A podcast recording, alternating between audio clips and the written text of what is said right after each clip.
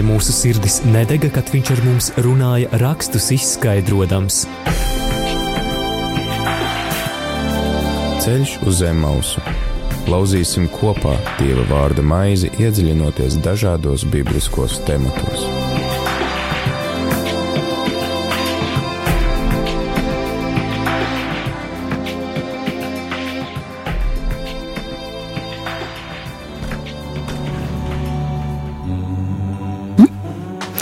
Labvakar, radio Mariju uh, Latviju klausītāji. Šeit ir redzījums ceļš uz Zemausu. Ar jums studijā šodien Māris Veliks. Un Linda Ozoliņa. Priecājamies arī par jūsu klātbūtni, dārgie klausītāji. Katru ceturtdienas vakaru pulksten piecos mēs pulcējamies, lai labāk iepazītu svētos rakstus un katru nedēļu mēs to darām ar dažādu konfesiju mācītājiem. Pēc īsa brīža arī stādīsim priekšā mūsu šī vakara viesi, bet, uh, Linda, esam uzsākuši jaunu liturģisko laiku baznīcas gadā, vai ne? Māri, Kristus ir augšām cēlies. Patiesi augšām cēlies, un kā jau nojaušat, tad mēs par Jēzus augšām celšanos runāsim šoreiz raidījumā Ceļš uz Emmausu.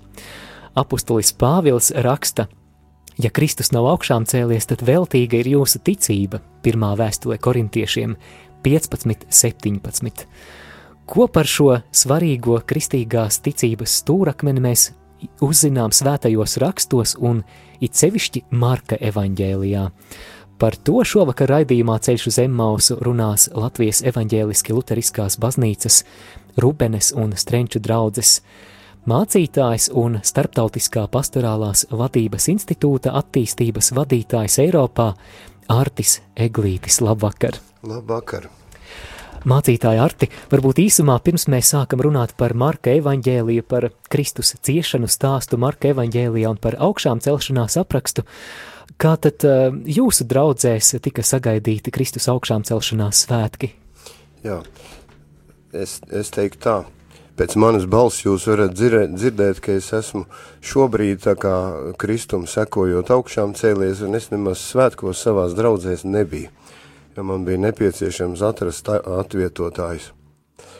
Bet, nu, Kristus augšām celšanos svētkus abās draudzēs svinēja, tie brīnišķīgi svētki, baznīcas centrālie svētki, un jāatzīst, katru reizi, kad šie svētki pienāk, tad ir tā pašiem priekš sevis jāsaprot un jāatzīst, man priekš sevis personīgi, eh, ka mēs joprojām nevaram to novērtēt, cik žēl, ka mēs nenovērtējam, ko tas nozīmē. Mēs daudz vairāk novērtējam, varbūt tādus emocionāli tuvākus kā Ziemassvētkus. Eh, un šos Kristus augšām celšanos svētkus mēs nevaram novērtēt, jo tik liels ir tas garīgais brīnums, tik liels ir apjoms, kas tur ir, uh, ka mūsu svinēšana ir bieži vien tāda, es teiktu, nekad nebūs pietiekama pat dziļa. Jā, nesen satiku kādu cilvēku, kurš teica, uzdeva tādu retorisku jautājumu, kāpēc mūsu baznīcās tik maz tā prieka ir, jo, jo Kristus ir augšām cēlies, tas ir tāds notikums, kura pat vienu procentu mēs droši vien neesam sapratuši. Neesam apjautuši šī notikuma nozīmi, tad nu, šajā vakarā mēs pievēršamies svētajiem rakstiem un dodam vārdu jums, mācītāji Arti, tad šoreiz mm. mēs ielūkojamies Marka evaņģēlijā, un ar ko mēs sāksim? Jā, mēs ielūkojamies Marka evaņģēlijā divās nodaļās, faktiski 15. un 16. Augšām celšanās svētki, mēs esam to jau svinējuši, mēs joprojām sakam, Kristus ir augšām cēlies, mēs esam lieldienu laikā, uh, un 15. nodaļa mums aizved atpakaļ uz lielo piekdienu, bet varbūt tieši Māri šis jautājums, kāpēc mēs tik maz varbūt priecājamies, te tieši ir ietverts, jo mēs īsti nesaprotam to situāciju, kādā cilvēka atrodas, kurā Jēzus izgāja cauri – lai mēs varētu novērtēt, ko tas nozīmē, ka kaps ir tukšs. Varbūt, ka uh, tas ceļš līdz tai lieldienai uh, paiet kādā steigā. Es uh, domāju, cilvēku gavē tas ir brīnišķīgi, citi arī negavē, citi tāpat steidzās, citi grib kaut ko paspēt, pavasars nāk, citi grib vēl kaut ko iemācīties. Uh, un tomēr ir labi, ka tas gavēņa uh, laiks mūs mudina un katru gadu atkal no jauna censties pārdomāt, ko tas nozīmē, no kādas situācijas ir notiek tas brīnums, ka Dievs parāda tukšo kapu. Un tāpēc es vēlējos mazliet atgriezties pie 15. nodaļas. Nu, Marka evaņģēlijas uzrakstīts tādā ļoti koncentrētā veidā, kā, kā pats pirmais – Jā, arī pats īsākais evaņģēlijs, tikai 16 nodaļas. Jā, viņš ļoti koncentrēts, viņš tā varētu teikt, brīžiem uz viņu palūkojoties, varētu teikt, juridiskā valodā. Tradicionāli saka Romā vai romiešiem, bet viņš ir interesants ar to, ka bija skaidrs ap 60. gadu, ka uh, dzīvie liecinieki, kas Kristu piedzīvojuši, jau uh, dodas mūžībā, nepieciešams ir aprakstīt šīs lietas, un tad, nu, Marks, tas arī tā tradicionāli pieņemts, ka Marks to ir rakstījis, un viņš ir tā uzrakstījis ļoti lietišķi, pirmā brīdī lasot, tā šķiet lietišķi, viss tur nekādas liekvārdības nav, bet no otras puses ārkārtīgi garīgi dziļi. Un 15. nodaļa, viss 15. nodaļa aprakst lielās piekdienas notikums – Un lielās piekdienas notikumi eh, mums jau ir zināmi. Filmās rāda, es nesen arī vienu filmu aplu, eh, skatījos mājā, slimodams tagad skatījos mm, tieši par Kristus ciešanām. Un man arvien jāsaka, ka eh, līdz šai dienai cilvēkai ir liels pietātes pret to, ka tas ir Kristus, Dieva dēls, mm, lielo piekdienu, viss Kristus pārdzīvojums cenšas tomēr tā kā mazliet dievišķot, tā kā izkrāsot. Un jāteic, ka lūkojoties Marka evaņģēlijā un vispār pārdomājot, jāteic, ka Dievs izvēlējās savu dēlu sūtīt nevis kādā izkrāsotā, nevis kādā uzlabotā vidē, bet nu tā pa īstam, cik zemu vien ir iespējams nokrist – cilvēciskā vidē tik zem labprātīgi Jēzus arī nolaidās. Jo, ja mēs lasām 15. nodaļu, tad mēs redzam, ka vispirmām kārtām tur jau visi cilvēki Jeruzālēmē sanākuši, kas uh, dzīvo uh, okupētajā Izraēlas, Izraēla valstī. Jā, Tad, Paskas svētki tuvojas un svēceļnieki no visām debesis pusēm saplūduši pilsētā tā kā dziesmu svētki tagad. Jā. Visi vēlās tur tikt, visi pērk pa dubu trīskārtīgām cenām biļetes, un var, var teikt tā, tur pilnīgi visi būs, tur visi būs. E, un tad Jēzus iet tur iekšā, tieši tajā vidū. Saprastams, ka tas nekas nepaliks apslēpts, tas ir tāds Dieva nodoms. Un tad tajā, e, tajā milzīgajā cilvēka pūlī, tur arī reliģiska un politiska spriedze, un viņš izvēlās iet tur pa vidu un pazemoties. Un tas ir tā abrīnojami. Um, Pilāts viņu pratinā, augstie priesteri apsūdz, tur uh, tās, uh, tās sarunas tādas vadā pa pilsētu sasējuši, kā mēs uh, redzam 15. nodaļā, pirmā pantā, viņš sasiets ir, tad viņa aizved pa pilsētu uz vienu pusi, tad atkal atpakaļ Un tad publiski prasa visai tautai, ko lai es daru. Es viņu varētu atlaist, nav tas noziegums tik liels. Un kā mēs varam lasīt 13. pantā, 15. nodaļā, visi brēc, kas tur apkārt sastājušies, sit viņu krustā. Es domāju, tāda, tādās grūtībās, kādās garīgās grūtībās vai tādā Es pat neteiktu, ka tās pirmām kārtām ir garīgas. Tās bieži vien ir tādas skaudības vadītas, un uh, cilvēki uh, savā starpā, kur dzīvo, cilvēki jau nonāk spriedzē un noraidījumā. Mēs jau tā nonākam.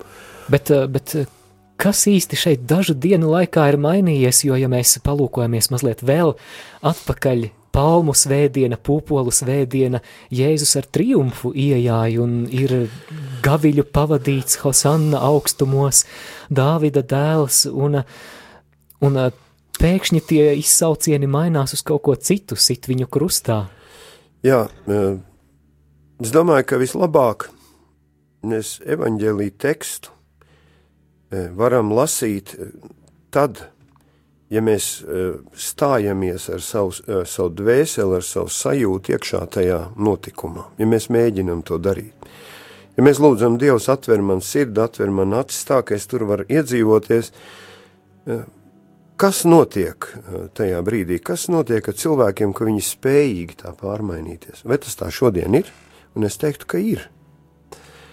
Un kāpēc tā ir? Un tas parasti vienmēr ir, tas parasti vienmēr iestājās tādā brīdī, kad cilvēki sajūt kādu apdraudējumu, cilvēki ne jau tikai mantai vien, bet viņa status tiek apdraudēts vai viņa uzskati tiek apdraudēti, kā tas ir ar augstiem priesteriem.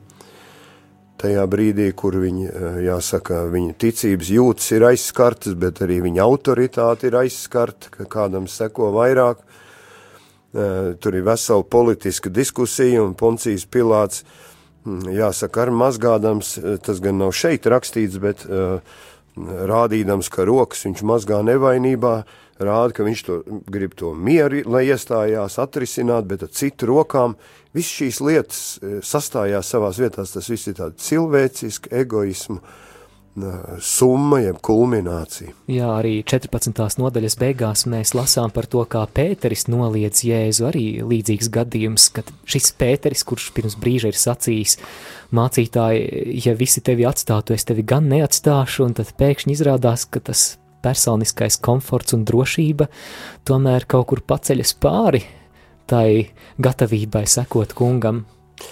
Nu, cilvēku dvēseli, tā kā taurenīts ir Zinot, viņi tā kā tagad tūlīt būs pavasars un taureņi izlidos. Tie pirmie, un tad, kad viņi ierauga, tad redz, ka viņš tā uz augšu, uz leju, pa labi, pa kreisi, un reiz sēd kaut kur, un tad atkal atpakaļ un uz augšu, un tā cilvēciski uzskata arī plūst un mainās, un vien brīdi tu esi apmierināts, un tad uzreiz tās domas apmācās, Un sevišķi, ja vairāk cilvēku apvienojās, tad uh, pēkšņi vienā brīdī var konstatēt, ka viss, ko mēs esam bijuši runājuši, viss, ko mēs esam vienojušies, tas viss ir aizmirsies un viss ir mainījies. Un sevišķi grūti un smagi tas ir, ja cilvēki nav saskarsmi ar Dievu.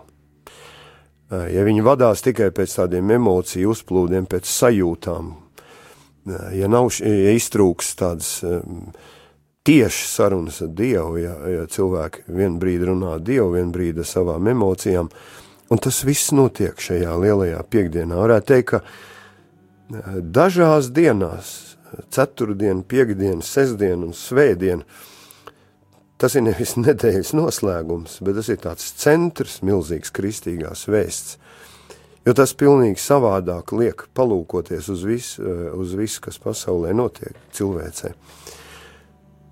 Jo tagad summējās, piekdienas summējās visas emocijas, tur sit viņa krustā, viņš nav vajadzīgs, lai Dievs beidz runāt. Tur arī, zināt, cilvēcīgi jau šodien tā klātbūtne e, mums ir tāda, ka tad, kad e, cilvēki bieži vien tiek konfrontēti ar to, ko Dievs saka, tad kādā brīdī tā sakrājās, un tad vēlēšanās sacīja, lai tas Dievs labāk apklust, jo tas vienkārši, es to nevaru izdarīt. Es lasu to, ko viņš no manis prasa, to pārmaiņu, un es to nevaru izdarīt. Viena lieta ir kāda ētiska rīcība. Tur, nezinu, panest otram somu vai iedot otram mēteli, kas ļoti dāmām, teiksim, atvērt durvis, kas ļoti brīnišķīga lieta. Bet tajā brīdī, kad tas pieskarās pie manas dvēseles un saka, bet tev ir jāatsakās no kaut kā, no kaut kādas rīcības, kaut kāda uh, otra cilvēka nomelnošanas vai ap, mm, pazemošanas vai publiskas eh, netaisnības kaut kādas paušanas.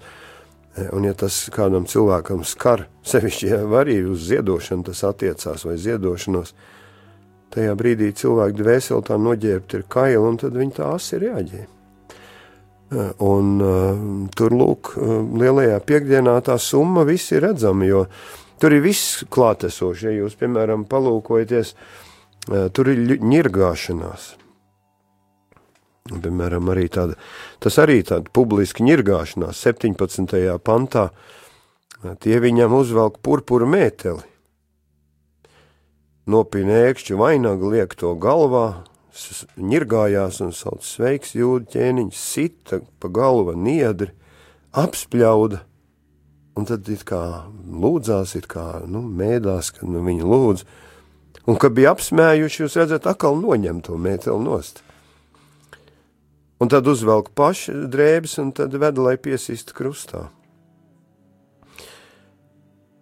Ja kāds cilvēks kādreiz dzīvē nonāk, nonāk situācijā, kad pēkšņi viņš nostājās kādā tādā opozīcijā, varbūt ne viņš nostājās, bet cilvēki nostājās pret viņu, eh, tad parasti ar šie soļi seko, un, eh, un es teiktu, ka šis stāsts ir tāds liels iedrošinājums katram, kurš ir grūtībās, arī šodien, kurš ir grūtībās, eh, es domāju, vai mēs maz varam stādīties priekšā, ka, ka tur ir visa, visi tie apkārtējie cilvēki, tur pūļiem nāk tie cilvēki, viņi tiek noskaņoti, viņi publiski ņirgājās, viņi, Dievs izvēlās tādu ceļu. Viņš labprātīgi to izvēlās. Viņš ļauj uh, cilvēku ļaunumam izpausties līdz galam. Es domāju, to ir grūti varbūt pat mums kādreiz iztēloties. Kā apustulis Pāvils vēstulē Filipiešiem otrajā nodaļā raksta, ka viņš pazemojās līdz nāvei, līdz pat krusta nāvei. Savu skanējumu turpina raidījums Ceļš uz Zemmausu. Atgādinu, ka šoreiz kopā ar mums Rubenes un Strenču luterāņu draugu mācītājs Artis Eglītis. Pēc mūzikas pauzes atgriežamies ēterā. Tā var, jā.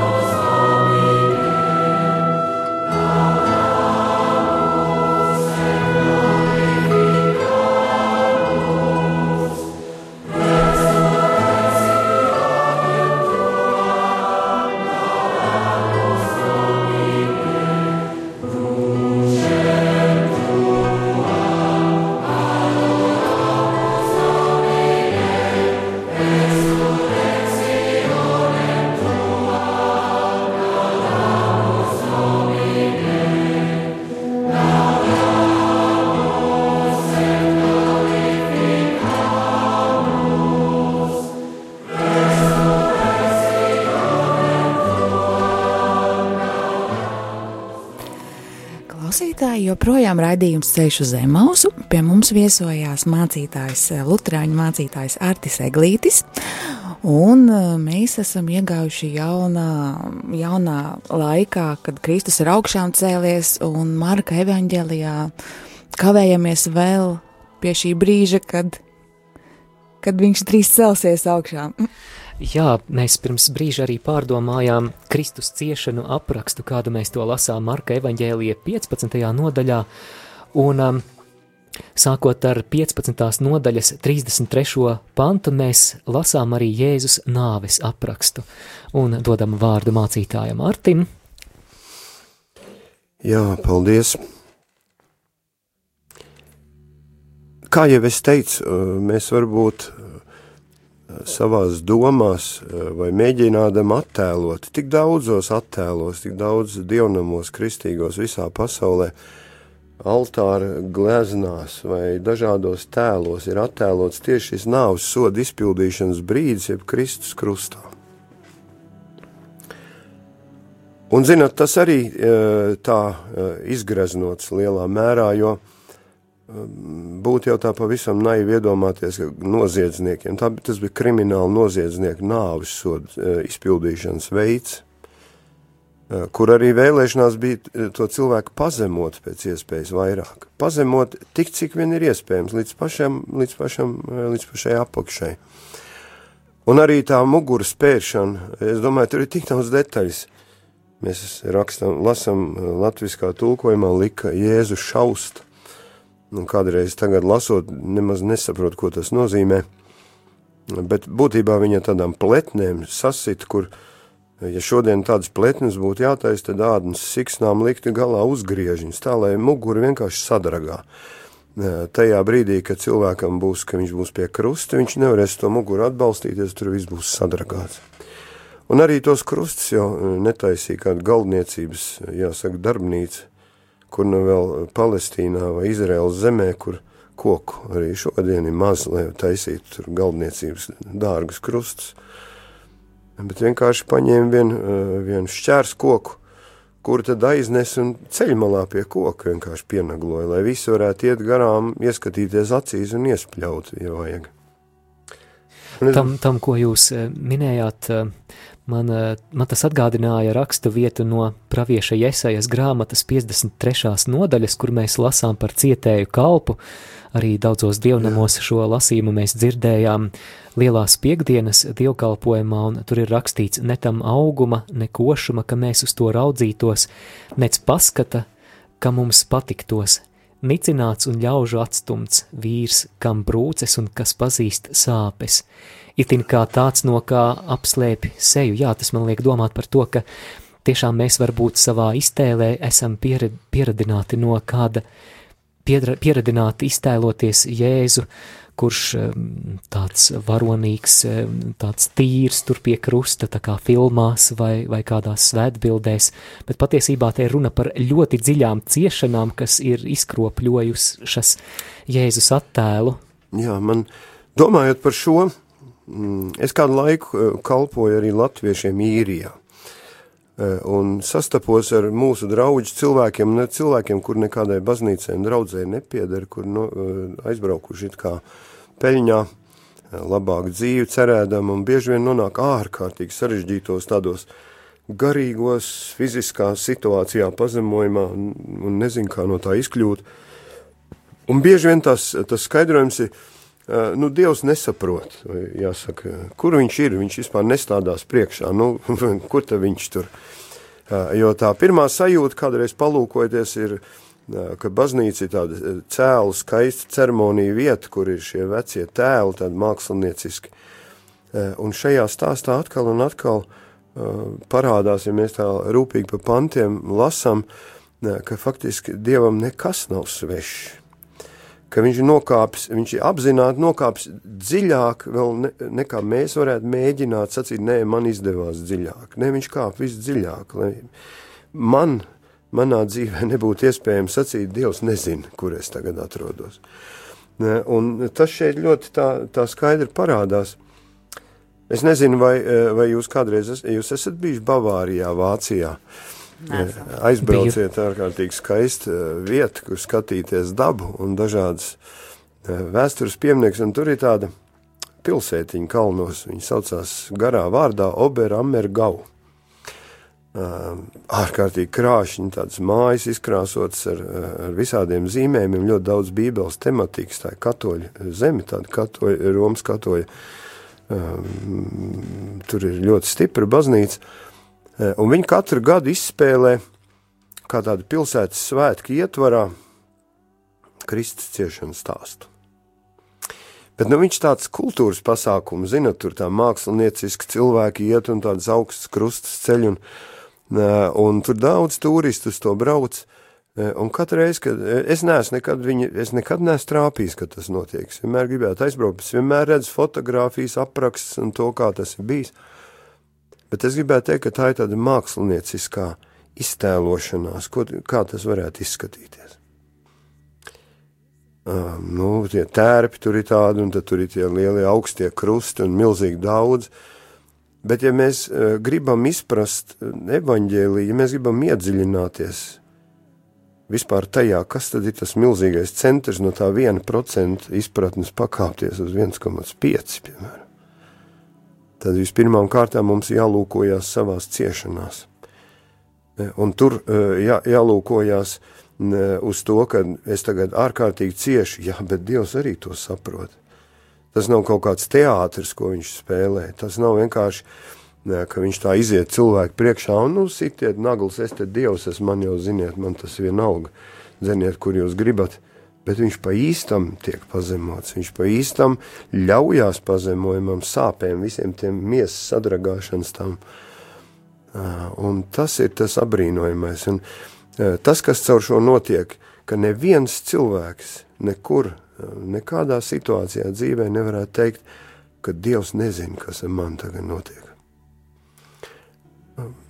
Ja, ja man kādreiz ir tāda vēlēšanās sacīt, ka ne, nu, labi, labi, to Dievu viss ir labi, līdz kādai robežai. Tā kā grūtāk palikt, jau ko tad nu vairs, tad tagad es pats.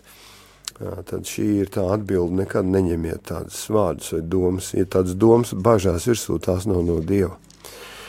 Jo tieši tas iemesls, kāpēc tas tik Es teiktu, es pilnīgi redzu, kāpēc Marks to tik skrupulozi ir aprakstījis, lai mums tādas domas nenākt prātā, ka mēs esam kādā situācijā sacīt, nē, nē, kur tad Dievs?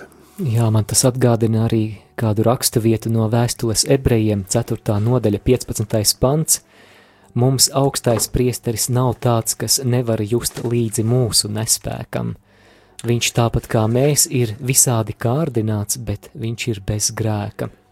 Jā, nu es tieši pie tā panta gribēju iet, es viņu, eh, jāsaka, arī biju pierakstījis savās pārdomās, es vakar domādams, ko runāt, um, ko jums stāstīt, jums un klausītājiem, uh, izdarīju kādas piezīmes mājā, un uh, tā bija viena no šīm rakstvietām, uh, jo te ir runa par to, ka, ka šis glābējs, kas Jēzus vārds arī, ko nozīmē glābējs, no ebreju vārda izglābt.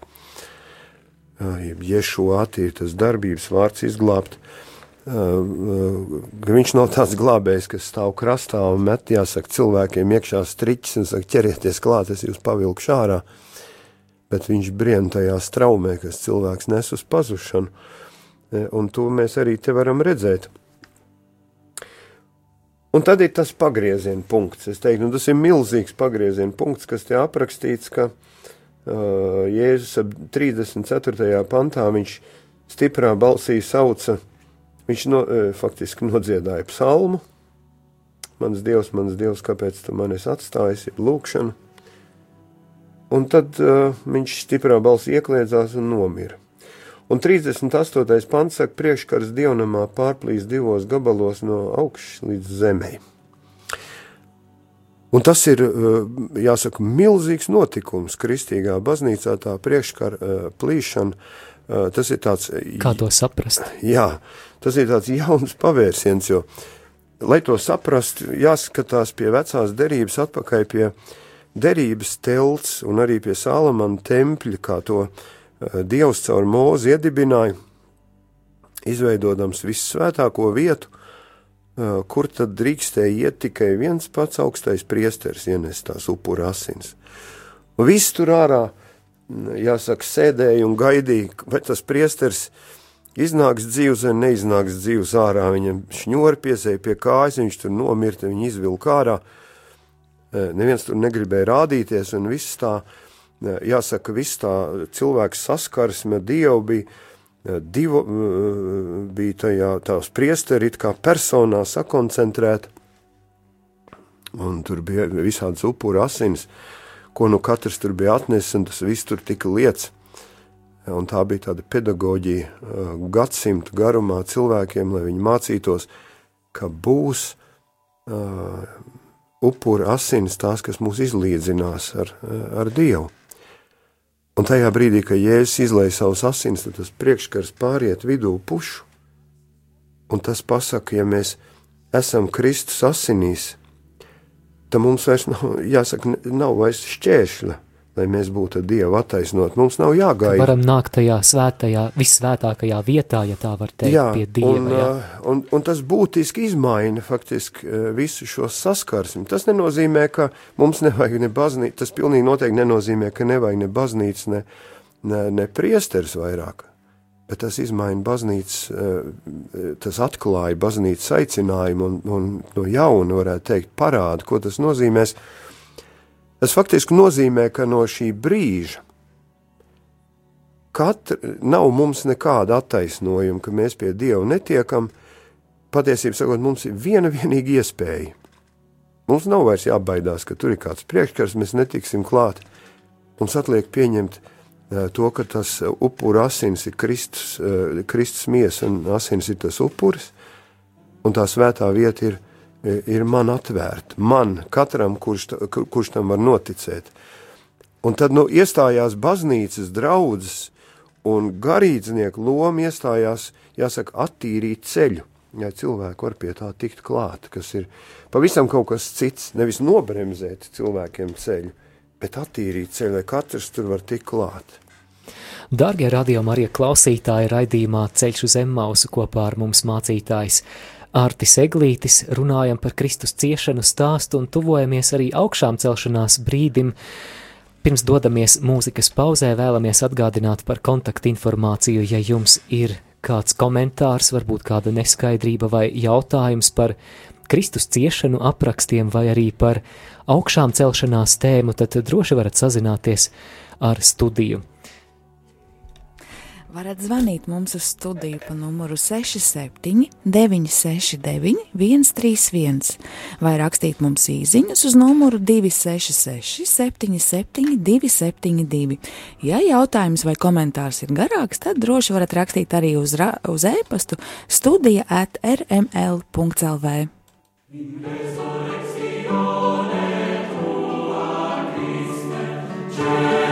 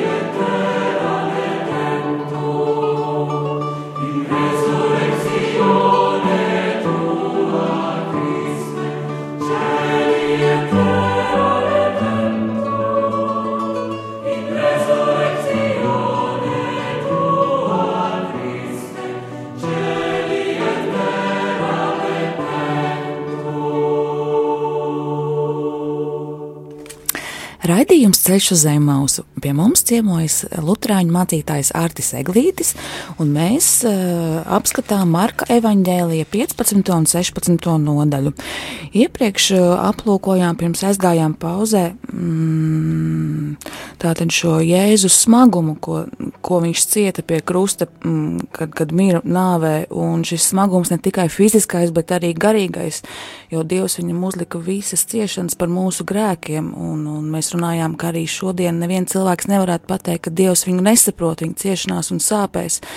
Jo, jo ne tikai fiziskas ciešanas jēzum bija pie krusta, bet arī šīs garīgās, jo visi grēki, arī šīs grēka sekas, kas ir sāpes, sāpes ciešanas, tās visas jēzum tika uzliktas pie krusta izciest manis dēļ, gan tās, kas man ir tagad, gan tās, kas man bija vakar, viņš tās jūta šīs ciešanas un sāpes un atstumtību no Dieva par mani un par tevi, par katru no mums.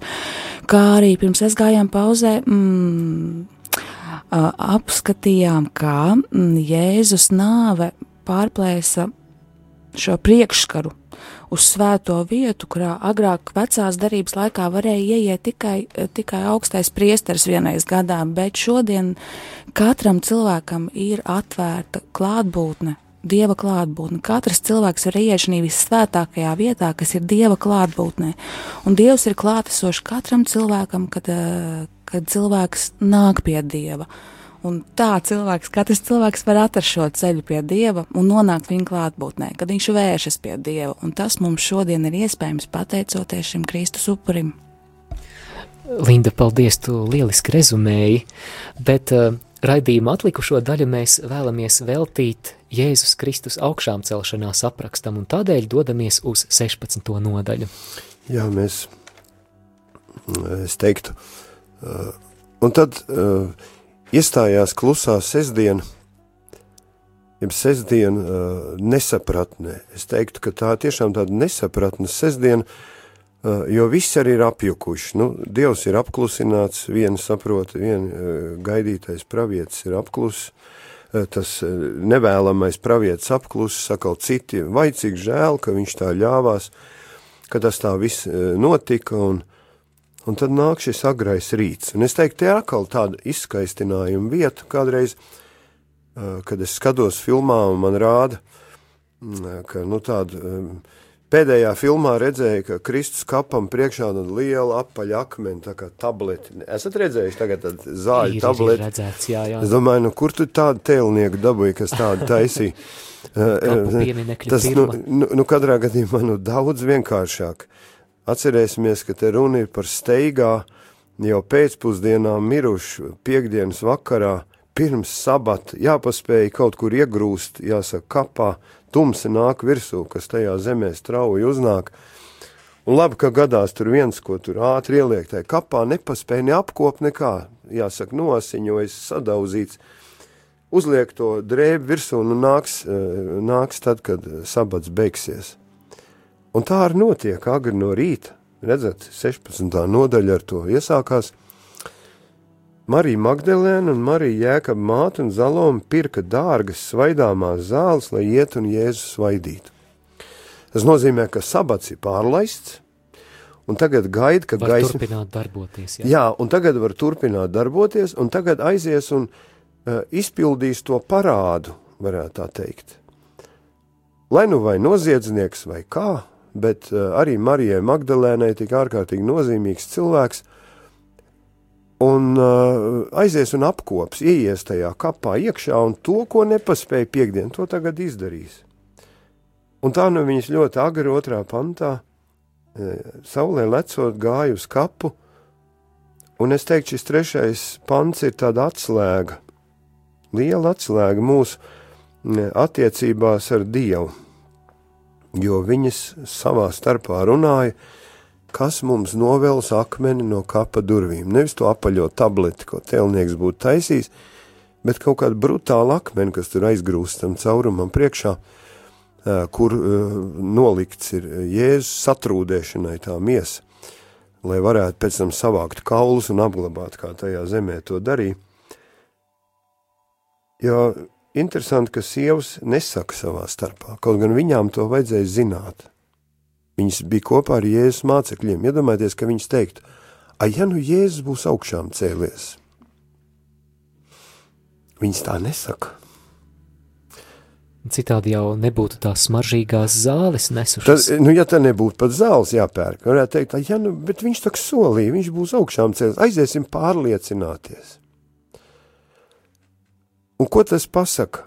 Tas pasaka, te ir tā milzīgā mūsu kalpošanas loma, jūsu radio kalpošanas loma, baznīcas kalpošanas loma, lai cik mēs būtu izglītoti, lai kā mēs būtu sagatavojušies kristīgā tādā pieaugšanā, lai mēs būtu, jāsaka, bībeli lasījuši no vāka līdz vākam.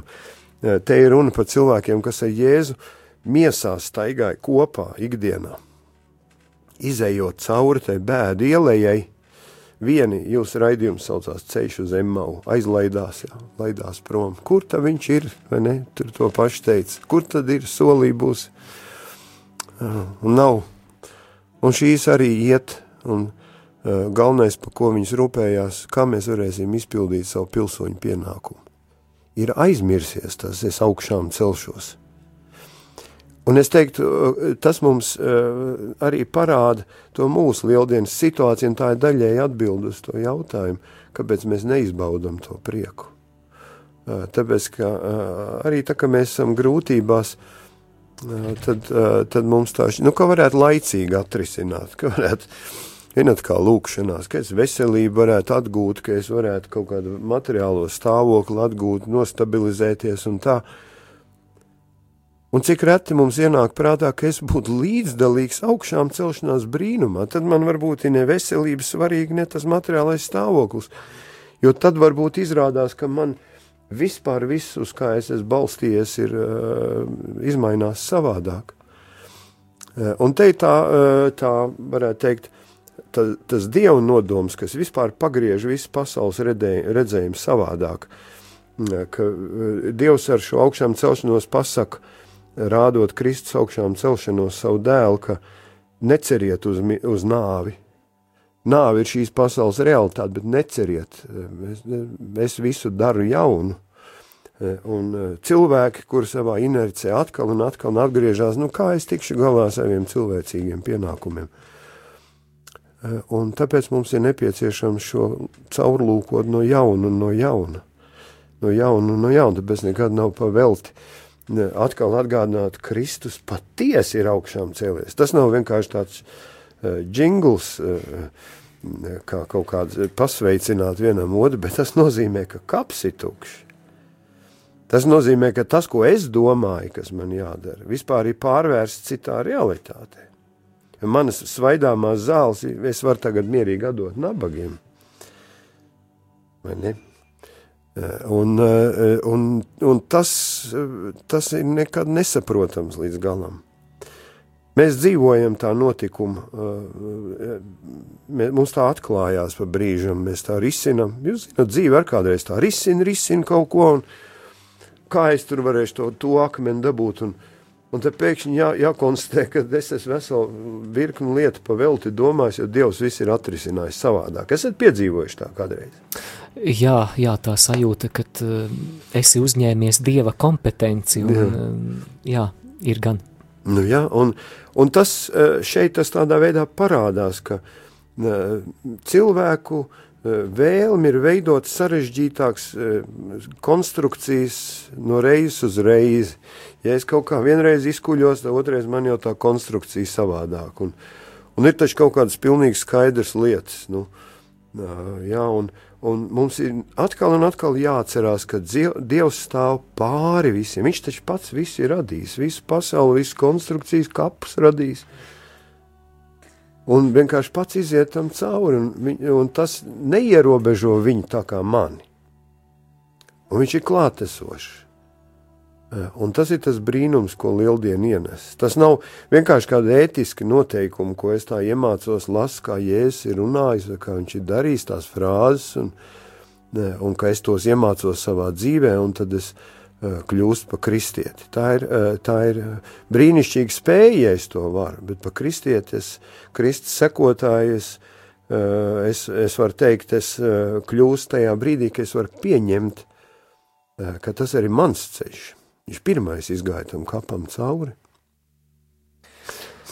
Jau strauji savam noslēgumam tuvojas raidījums ceļš uz Emmausu, bet uh, vēl kāds jautājums šajā 16. nodaļā. Vispirms līdz 13. pantam mēs lasām par Jēzus augšām celšanos un ir arī minētas vairākas parādīšanās gan uh, Marijai Magdalēnai un sievietēm, tad 12. un 13. pants Jēzus parādās diviem mācekļiem, mēs lasām, ka pēc tam viņš parādījās citā izskatā diviem no viņiem, kad tie gāja uz laukiem, un es zinu, ka ir bībeles eh, komentētāji, kuri uzskata, ka šī ir tāda saīsināta versija par to, ko mēs Lūkas evaņģēlija 24. nodaļā lasām, kā stāstu par ceļu uz Emmausu, bet savukārt no 14. panta mēs lasām par misiju, ka Jēzus sūta savus mācekļus misijā. 15. pants ejiet pa visu pasauli un sludiniet evaņģēliju visai radībai, kas tic un tiks kristīts, tas tiks glābts, bet kas netiks, tas tiks pazudināts. Mācītāji Arti vēlējos jautāt, kāda ir tā saistība starp šo mūsu kā kristiešu misiju un augšām celšanās pieredzi?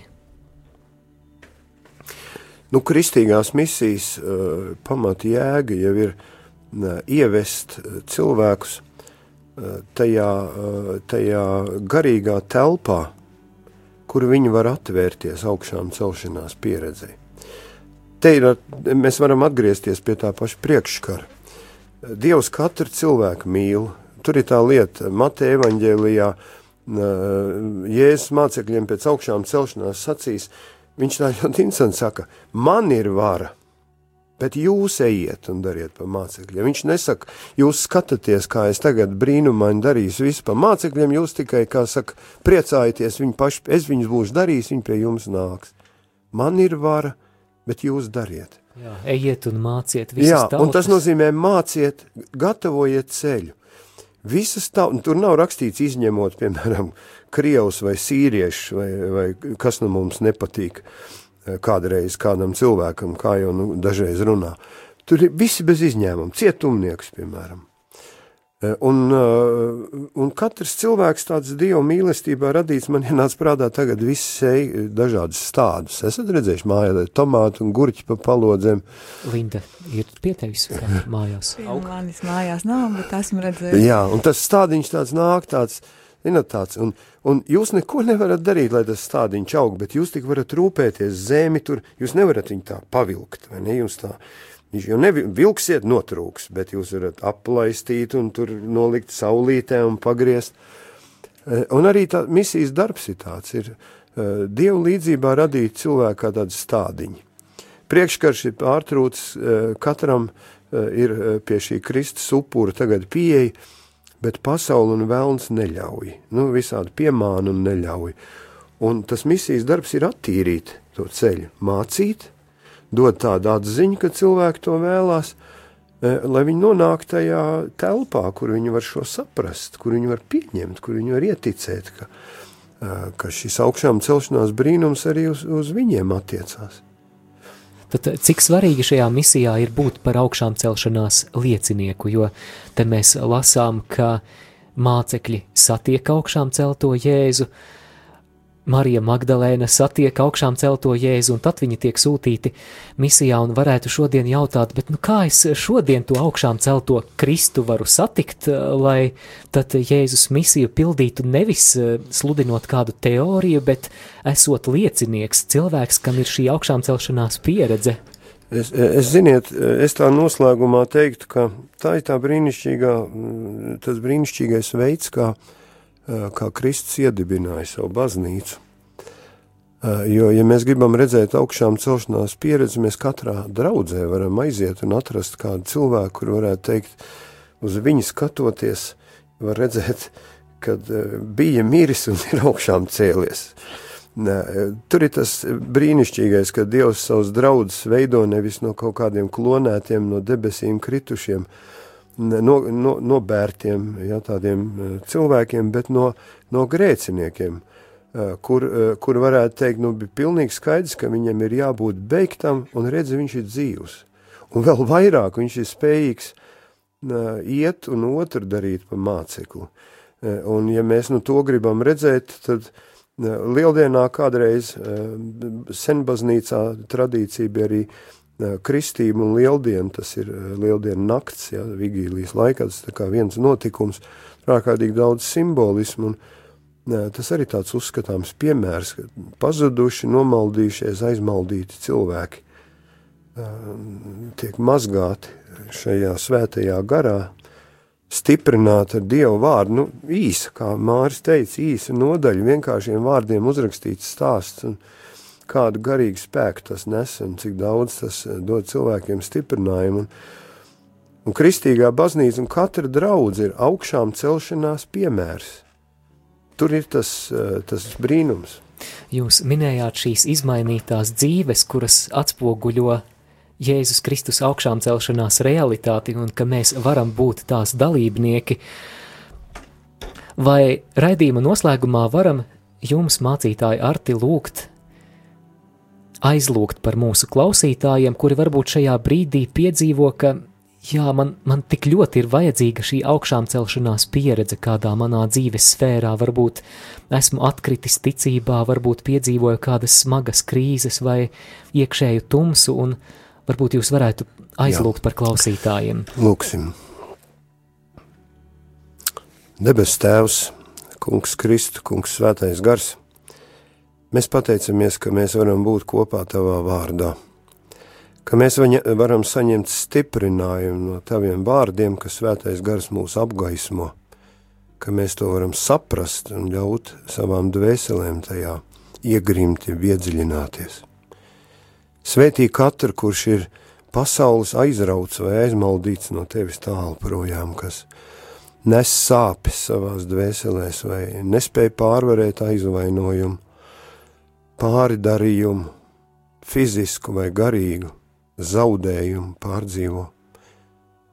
Svētī, ka mēs visi varam to tā ieraudzīt, ka Kristum nekas nav svešs, ka viņš nevis izvairījās, bet tieši mūsu dēļ izvēlējās iet visdziļāk, vissāpīgāk, vis tālāk, lai mums katram varētu atgādināt no jauna un no jauna un rādīt, ka viņš ir augšām cēlies, ka tur, kur mēs domājam par kapiem, tur viņš rāda augšām celšanos un dzīvību, kā viņš pats sacīs tiem, kas viņu meklēs, ko jūs dzīvo meklējiet pie mirušajiem.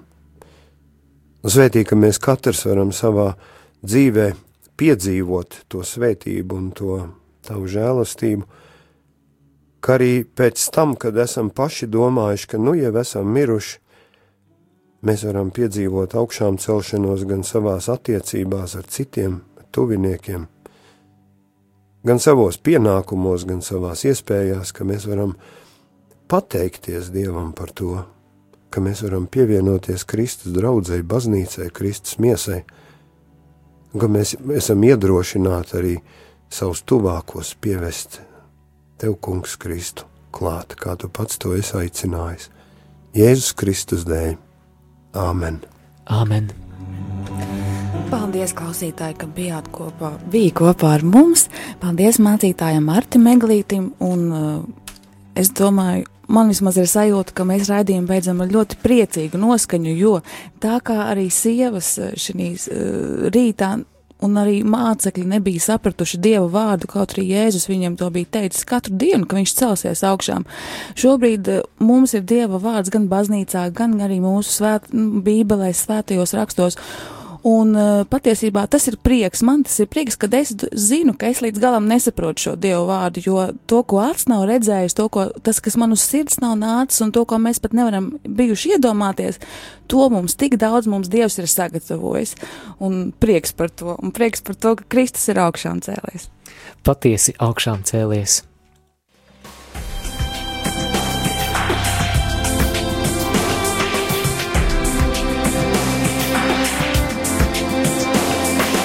Ceļš uz zem mausu katru ceturtdienu, pulkstens 17.